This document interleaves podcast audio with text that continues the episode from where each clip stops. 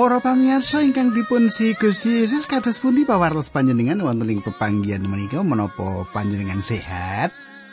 Inggih pandonga kula makaten panjenengan sehat nembe kemawon kula pikantuk telepon saking Ibu Giolan nggih. Ibu Giolan ngendikaken menawi piyambakipun menika sakit nggih sakit. Balung-balungipun sami linu nggih. Wah menika sampun obat dateng pundi kemawon. Lan sampun dangu ngrasakaken kados makaten menika nyuwun tulung dipun dongaaken makaten nggih begi lan ngaten nggih Nah para pamirsa ingkang kula tresnani kula badhe sesarengan klan panjenengan ing sawetawis wekdal menika wonten ing salebetipun adicara margi utami. Suking midhangetaken adicara menika.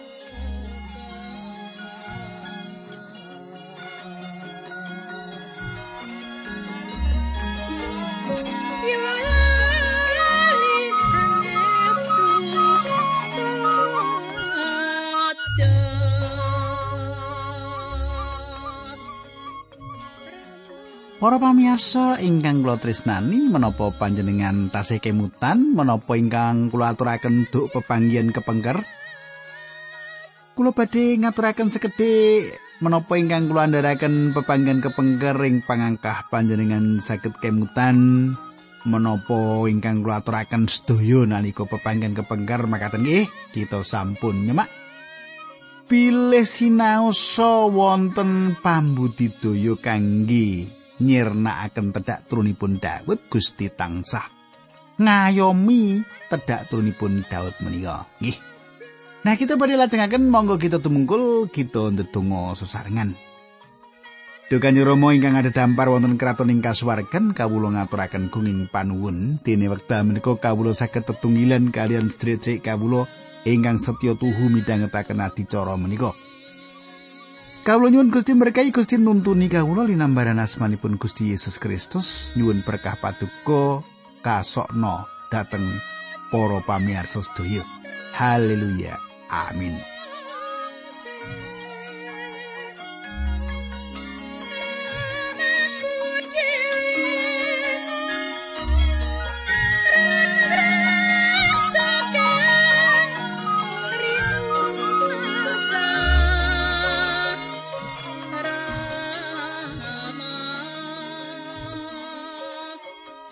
Para pamirsa samenika pasinon kita sampun mlebet ing kitab kalih babat selikur ayat ipun kula wiwiti ayat 8 lan badhe kula wasaken dumugi ayat sedasa makaten surasipun. Ing jamane Raja Yoram mau Edom mbrontak nglawan marang Yehuda sarta madeg negara Dewi. Mulane Raja Yoram lan para panglimaning luruk nyerang Edom nganggo kereta-kereta perang Yuram dikepung dening pasukan Edom nanging bengine bisa lolos. Wiwit nalika semono Edom ora teluk karo Yehuda maneh semono uga kutha Libna ya melu mbrontak kuwi mau kabeh sebab ora liya merga Yuram nyingkur marang pangeran Allah sesembahane leluhuri. Para pamirsa ingkang kula tresnani, Gusti Allah meratelaken cetha sanget Pilih paukuman kados makaten menika badhe nempuh Yoram. Pangandikanipun Gusti meratelaken pilih paukuman menika asalipun saking Gusti Allah. Raja Yoram boten ngraosaken katentreman. Raja Yoram boten ngraosaken karaharjan awit menapa? Awit piyambakipun sampun nyingkur Gusti Allah leluhuripun. Kitab suci mucalaken paukuman Gusti Allah badhe nempuh awit saking dosa ingkang dipun tindakaken manungsa. Nggih, menika dados wucalan kita kados dene Sang Raja Yoram mboten ngraosaken ketentreman lan karaharjan menawi kita nyingkur dumateng Gusti Allah. Menawi gesang kita nyingkur dumateng Gusti Allah pramila sing ana mung ruwet renteng sing ana mung raos ora tentrem ora jenjem ngrasake kuwatir sing matumpa-tumpa wonten ing ati kita wasana kita ketiban sakit lan kembangi lara kuwi pati paukuman sing pungkasan. Kita lajengaken ayat 11 malah raja yuram ngetekake papan-papan panyembahane brahala ing daerah pegunungan Yehuda Jalari rakyat Yehuda lan rakyat Yerusalem padha nglakoni dosa ing ngarsane Allah. Para pamirsa, Raja Yoram sejatosipun nyurung rakyatipun wangsul manembah brahala ingkang sampun dipun resiki dening bapakipun. Inggih menika Sang Raja Yosafat. Samenika Gusti Allah nimbali Nabi Elia. Kula wasaken kali raja bab selikur ayat kali welas ngantos kang sawelas. Makaten surasipun. Nabi Elia banjur kirim layang marang Raja Yoram sing surasane mengkini. Pengiran sesembahanipun Raja Daud sampun ndawahaken paukuman dhateng panjenengan mergi panjenengan boten niru tumindakipun kang Rama lan kang Eyang Daud. Malah panjenengan tumindak kados caranipun raja-raja ing Israel serana mekaten jalari rakyat Yehuda lan rakyat Yerusalem nilar dhateng Allah. Panjenengan tumindak kados raja Ahab lan para raja ingkang ngentosi raja wau. Malah panjenengan sampun nyedani sederek-sederek panjenengan mongko tiang-tiang wau langkung sae tinimbang panjenengan piyambak. Pramila panjenengan badin kadawan paukuman ingkang awrat dening pangeran ingkang inggih menika dawai dhateng rakyat. putra-putulan para garwa panjenengan pangeran badhe nyirnakaken sedaya barang darpe panjenengan panjenengan piyambak badhe ketaman gerah usus ingkang mindak dinten mindak sanget para pamirsa Nabi Elia inggih menika jejeripun nabi ingkang saged nglantaraken dawuh ingkang kados makaten menika. Menika satunggalipun dawuh ingkang saestu keras. Dawuh menika ngandut tigang pitakenan sapa kapan ana ngendi monggo kita semak sapa to sinten to Elia menika? Nah ngaten nggih. Dawuh menika dipun tujuaken dumateng raja Yoram larinipun raja Yosafat. Seratan ing kitab raja meratelaken dumateng kita bilih Nabi Elia sampun mingkrat dateng kasuwargan. 18 tahun umur pemerintahanipun Raja Yosafat. Nabi Elia mboten malih wonten ing bumi ing jaman pemerintahan Yoram lan wonten ingkang gadah anggapan mboten badhe Nabi Elia nyerat pameco ingkang kados makaten. Nanging manut pemikiran kula Nabi Elia ingkang nyerat dawuh menika. Panci menika satunggalipun perkawis ingkang gumunaken ajaib. Lajeng ingkang dados pitakenan inggih menika kapan? Kapan kala menapa Nabi Elia nyerat dawuh menika. Menapa Nabi Elia nyerat sesampunipun Nabi Elia mingkrat dhateng swarga. Inggih menika ingkang sinebat ajaib to. Inggih pameca menika perkawis ingkang ajaib. Mboten saged kanalar. Menika satunggalipun kahanan supranatural nek basa mrikani. Satunggalipun pikiran ingkang ngarah ing mangsa tembi. inggih menika perkawis ingkang damel anggapan menika dados pameco. Namung Gusti Allah ingkang saged paring pameco kanthi pas kados makaten menika. Pitakenan ingkang pungkasan inggih menika ana ing endi? Wonten ing pundi Nabi Elia nyerat pameco menika? Nabi Elia menika nabi kangge kerajaan sisi ler. Gusti Allah nyirnakaken sedaya sejarah kerajaan sisi ler. Nabi Elia inggih menika nabi kangge kerajaan sisi ler. Lan menapa ingkang dipun tindakaken menika satunggal tunggalipun. Nabi Elia ngendika dumateng raja saking kerajaan sisih kidul.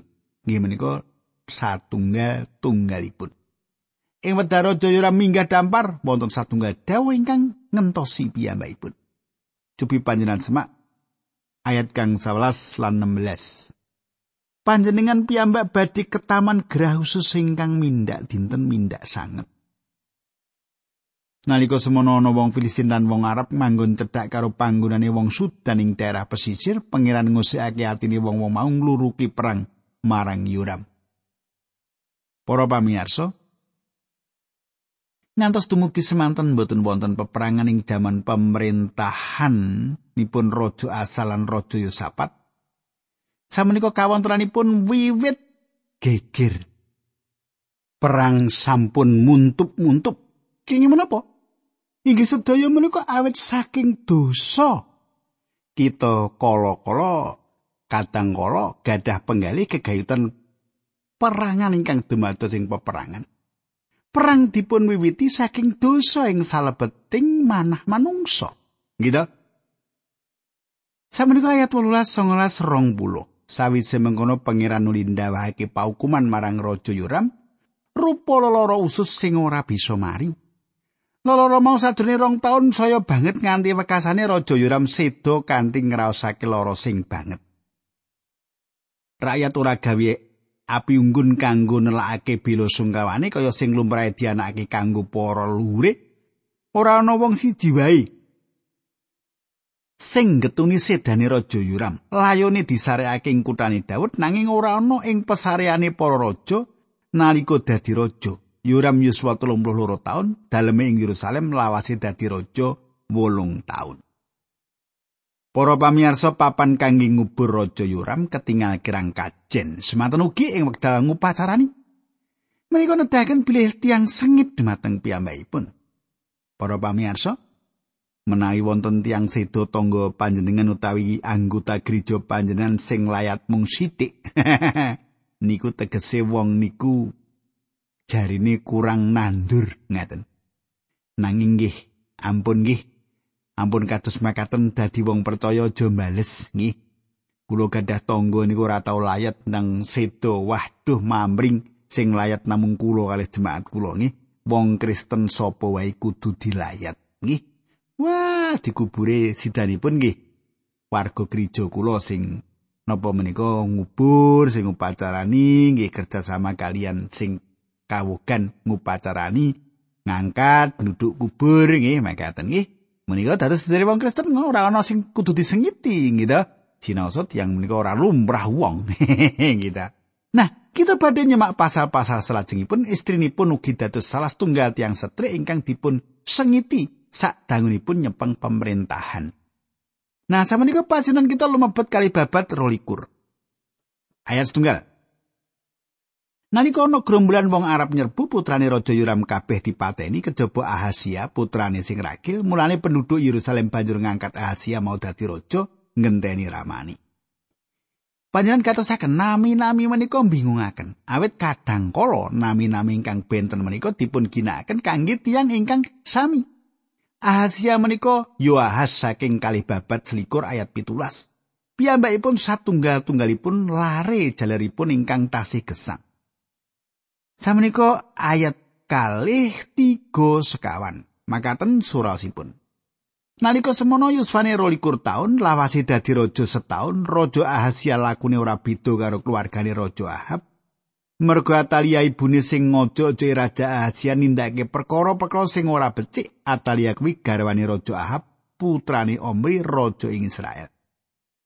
Raja Ahasia nglakoni dosa marang pengiran kaya keluargane Raja Ahab sebab keluarga kuwi sing dadi penasihate Raja Ahasia sawise ditinggal sida dening ramani. Para penasihat mau sing gawe cilakane Raja Ahasia. Para pamirsa, Ataya sayektosipun ratu ingkang gadah pangwaos piyambakipun menika lare setrinipun Ahab lan Isabel lan putunipun setri Raja Omri. Atalia mboten nate purun mandap saking kalengganipun. Ayat gangsal Mergo saka nasihate wong-wong mau Raja Ahasia rukunan karo Yoram Raja Israel ngluruk perang nglawan Hasael Raja Syria banjur padha nempuh perang ing Ramot tanah Gilead ing peperangan mau Raja Yoram ketaton. Para pamirsa pangandikan menika cekap adamel kita bingung awet ing kerajaan sisih ler wonten Yoram. Lan ing kidul ugi wonten Raja Yoram menika. Nanging Raja Yoram Raja Yehuda sampun pecah larinipun Ahasia lan samenika sekuton kalian Raja Yoram Raja Israel Raja Kerajaan Sisiler. Ayat 6 pitu bolu kalih babat rolikur Makaten surasipun banjur digawa menyang Yesrael kanggo nambani tatune Raja Ahasia uga banjur tilik merono. Nanging Raja Ahasia nggone tilik Raja Yoram mau saka kersane Allah murih tewase Nalika semana Raja Yoram lagi padu karo wong lanang jenenge Yehu bin Nimsi, Yehu kuwi wis dipilih dening pangeran kakersake numpes anak turune Raja Ahab. Raja Asia sing lagi tilik Yoram melu-melu padu, Yehu go mateni para pemimpin Yuda lan keponakan-keponakan Raja Asia sing melu tilik mrono. Para pamirsa, Panjenengan katosaken ingkang dados kawigatosan inggih menika bilih Raja Yehu mboten mangertos bilih Raja Ahasia. Raja saking kerajaan siji kidul sawek wonten ing mriku. Keponakan-keponakane raja Asia sing melu tilik mrono menika lari-lari sederek-sederekipun lan menika keponakan para pemimpin Yehuda saged ugi sederek tebih ingkang nyepeng kalenggan pentinging kraton. Raja Yehu mejahi sedaya menika. Ayat songo Raja Ahasia Dewi bisa lolos menyang Samaria nanging banjur digoleki lan ketemu ing panggonan ndelik Raja Ahasia nuli digo ngadep marang Yehu sarta dipateni ana ing kono. layone dikubur dening Yehu lan balane mergo Yehu ngurmati marang Raja Yosafat yang Ahasia, raja sing sumiyut marang pengiran kelawan terus ing ati, keluargane Raja Ahasia ora ana sing kuat ngenteni dadi raja. Para pamirsa, Jaman menika satunggalipun jaman ingkang kebak raja pati lan wutahing getih Gusti Allah nyerat lelampan menika supados kita mangertos bilih Gusti Allah paring paukuman dumateng dosa. Panjenenganipun ngersakaken kita mangertos bilih manungsa mboten saged uwal saking dosa. Ayat dosa bareng Atalia weruh yen Asia putrane sedo banjur dawuh supaya anak tune raja Yehuda kabeh dipateni. Para pamirsa, kula mboten saged mangertos kados pundi ratu kejem menika saged mejahi para wayahipun piyambak. Nanging nggih kados makaten menika ingkang dipun tindakaken piyambakipun mejahi para wayahipun sedaya kajawis tunggal. nanging awit panci mboten saged manggihaken wayah menika. Samenika kita lajengaken ayat 11 lan rolas. Asia duwe sedulur wadon jenenge Yosiba, kawin karo imam jenenge Yoyada. Yosiba mau kelawan sesideman nyupuk anake Ahasia sing jeneng Yuas saka antarane anak-anak Ahasia sing arep dipateni Atalia. Bocah mau karo mbane didelikake ora ing salah siji kamaring pedalemane Allah. Mengkono carane Yosef ban nyelametake bocah mau nganti ora katut dipateni dening Atalia. Lawase ana ing pandelian mau nganti 6 taun, sajroning 6 taun mau Atalia dadi ratu ing Yehuda. Para pamirsa, menawi perkawis menika dumados pramila garis turunipun Daud badhe serno. Lan janji Allah dumateng Daud gegayutan rawuhipun Sang Mesih mboten badhe nate dumados. Iblis sampun budidaya maka kaping-kaping nyirnakaken garis turun ingkang tumuju dumateng Sang Kristus. Emut. Iblis mudidaya saged nyirnakaken garis turun ingkang tumuju Sang Kristus sing wekdal sedaya lari jalar kedah dipun pejahi ing wekdal tiang Israel wonten ing tanah Mesir. Iblis mudidaya saged nyirnakaken sedaya umat Yahudi ing jaman Haman nyepeng panguwas. Sasampunipun Gusti Yesus dipun lairaken lumantar Herodes iblis mbudidaya mejahi Gusti Yesus kanthi mejahi sedaya lair jalar ing sakiwa tengenipun Bethlehem. Ing mriki iblis ngirangi gunggungipun turunipun Daud kanthi makaten namung kantun setunggal kemawon inggih menika Yuas. Selajengipun pasinon kita lumebet ing kalih babat 13. Ayat setunggal. Kecerita bareng nyandak tahun kepitu, Imam Yoyada nindakake putusan ana perwira lima sing diajak sekuton. Ya kuwi Asaria bin Yiro, Ham, Ismail bin Yohanan, Azaria bin Obed, Maisa bin Adaya lan Elisabeth bin Sikri. Para pamirsa, kepemimpinanipun Yehuda mboten nglegak awit kepemimpinan Ataya ingkang kejem. Dados samenika Imam Yoyada nimbali tiang-tiang menika supados saged kepanggih. Menika satunggalipun pepanggihan ingkang asipat wadi supados saged nyukani mangertos bilih tasih wonten dak turunipun Daud ingkang tasih gesang. Tiang-tiang kala wau gadah janji badhe ngangkat turunipun Daud menika dados rajanipun. Tiang-tiang kala wong lempakaken tiang Lewi lan para pemimpin Israel lan ngerancang satunggalipun rancangan ngayomi Yuas lan nandadosaken raja. Sapraturan perangan golongan menika badhe gadah kewajiban jagi korining pedalaman Allah ing dinten Sabat. Sapraturan malih wonten ing griya raja, sapraturan perangan malih wonten ing lawang gapura dasar. Tiang-tiang kala wau mboten badhe ngidinaken sinten kemawon mlebet kajawi para imam lan tiang lewi. Tiang lewi ingkang ngayomi raja ingkang tasih alit menika badhe dipun sukani gaman. Sedaya rancangan menika dipun tindakaken. Ayat 11. Yuas banjur dirit metu dening Yoyada sirahe diagemi makutha lan dicaosi kitab Torat. Mengkono carane Yuas nggone kajumenengake raja Imam Yoyada lan para putrane nuli ngesokake lengo jebat ing sirah Yoas lan wong kabeh banjur padha surak sugenga Sang Prabu. Para pamirsa, Yoas ingkang tasih umur pitung taun ingkang kalebet turunipun Daud samenika nglenggahi dampar Yehuda. Atalia gadah pikiran bilih piyambakipun sampun mejahi sedaya turunipun Daud. Atalia menika ngorong kalenggahan. Kathah tiang ingkang rila nindakaken menapa kemawon kangge nglenggahi kalenggahan. Nah, menika wonten ing salebetipun saben golongan utawi tingkatan masyarakat lho. Kathah keluarga manungsa ingkang rila manembah dumateng menapa kemawon supados saged nglenggahi satunggalipun kalenggahan.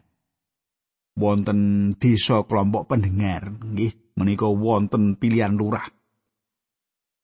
Lurah ingkang samenika dados kadirosipun nganggo kembang setaman. Wah maneka warni. Nggih. Wis nyang dindi sing penting dadi. Nggih ngantos ngetokke arta 800 yuta ewu. Para pamirsa duka panjenengan nanging jaman sakmenika kalenggahan iku larang regani. Nah samenika ayat 13 lan 13 Kecerita Atelia mirang surake rakyat kemrubut mangayu bagyo Sang Prabu enggal-enggal tindak menyang pedalaman Allah marani wong akeh sing padha nglumpuk ing kono. Ana ing kono pirsa Sang Prabu jumeneng ing lawangi pedalaman Allah panggonane diwisuda. Sang Prabu dikubengi dening para perwira lan para wong sing nggunakake srompet. Rakyat kabeh padha surak giyak-giyak bebarengan unine srompet. Wong sing kapatah nggunakake tetabuhan ing pedalamane Allah padha nabuh bebarengan. Atilia banjur nyuwek pengagemane nelakake nggone nepsu banget karo nguwuh. Kianat, kianat. Para pamirsa, panjenengan katosaken saking paninganipun Ataya, patrap makaten menika satunggalipun patrap kianat. Ayat 14 lan kang 11. Yuyada ora marengake Atalia dipateni ing sacedhake pedalemane Allah. Mulane ngendika marang para prawira gawanen metu karo dikawal lan sapa wae sing arep nuwari patenono. Atalia banjur dicekel digawa menyang kedaton sarta dipateni ing gapura jarak. Para pamirsa, Yuas nembe umur pitung tahun dados Yuyada ingkang dados walinipun. Yuyada menika ingkang damel putusan ngantos lari menika cekap diwasa. Yuyada menika imamipun Gusti Allah lan piyambakipun mimpin bangsa menika malih supados bangsa menika manembah dumateng Gusti Allah. Ayat 16 Yuyada ngaturi sang Prabu lan rakyat kawi perjanjian yen padha dadi umat Allah. Para pamirsa, Yuyada nyirnakaken mesbeh-mesbeh Baal. Lan mejahi para imam Baal, Imam Yuyada ngesangaken malih anggenipun manembah dumateng Sang Yewah kanthi paring dawuh dumateng para imam lan tiang Lewi supados misungsungaken kurban ubaran.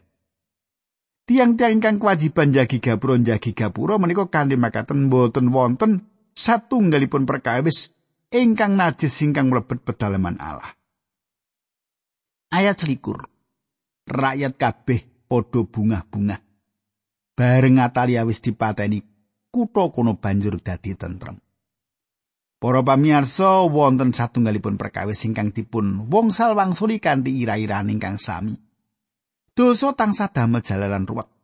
Kangelan murukaken lokro lan dados jalaran nempuipun paukumanipun Gusti Allah.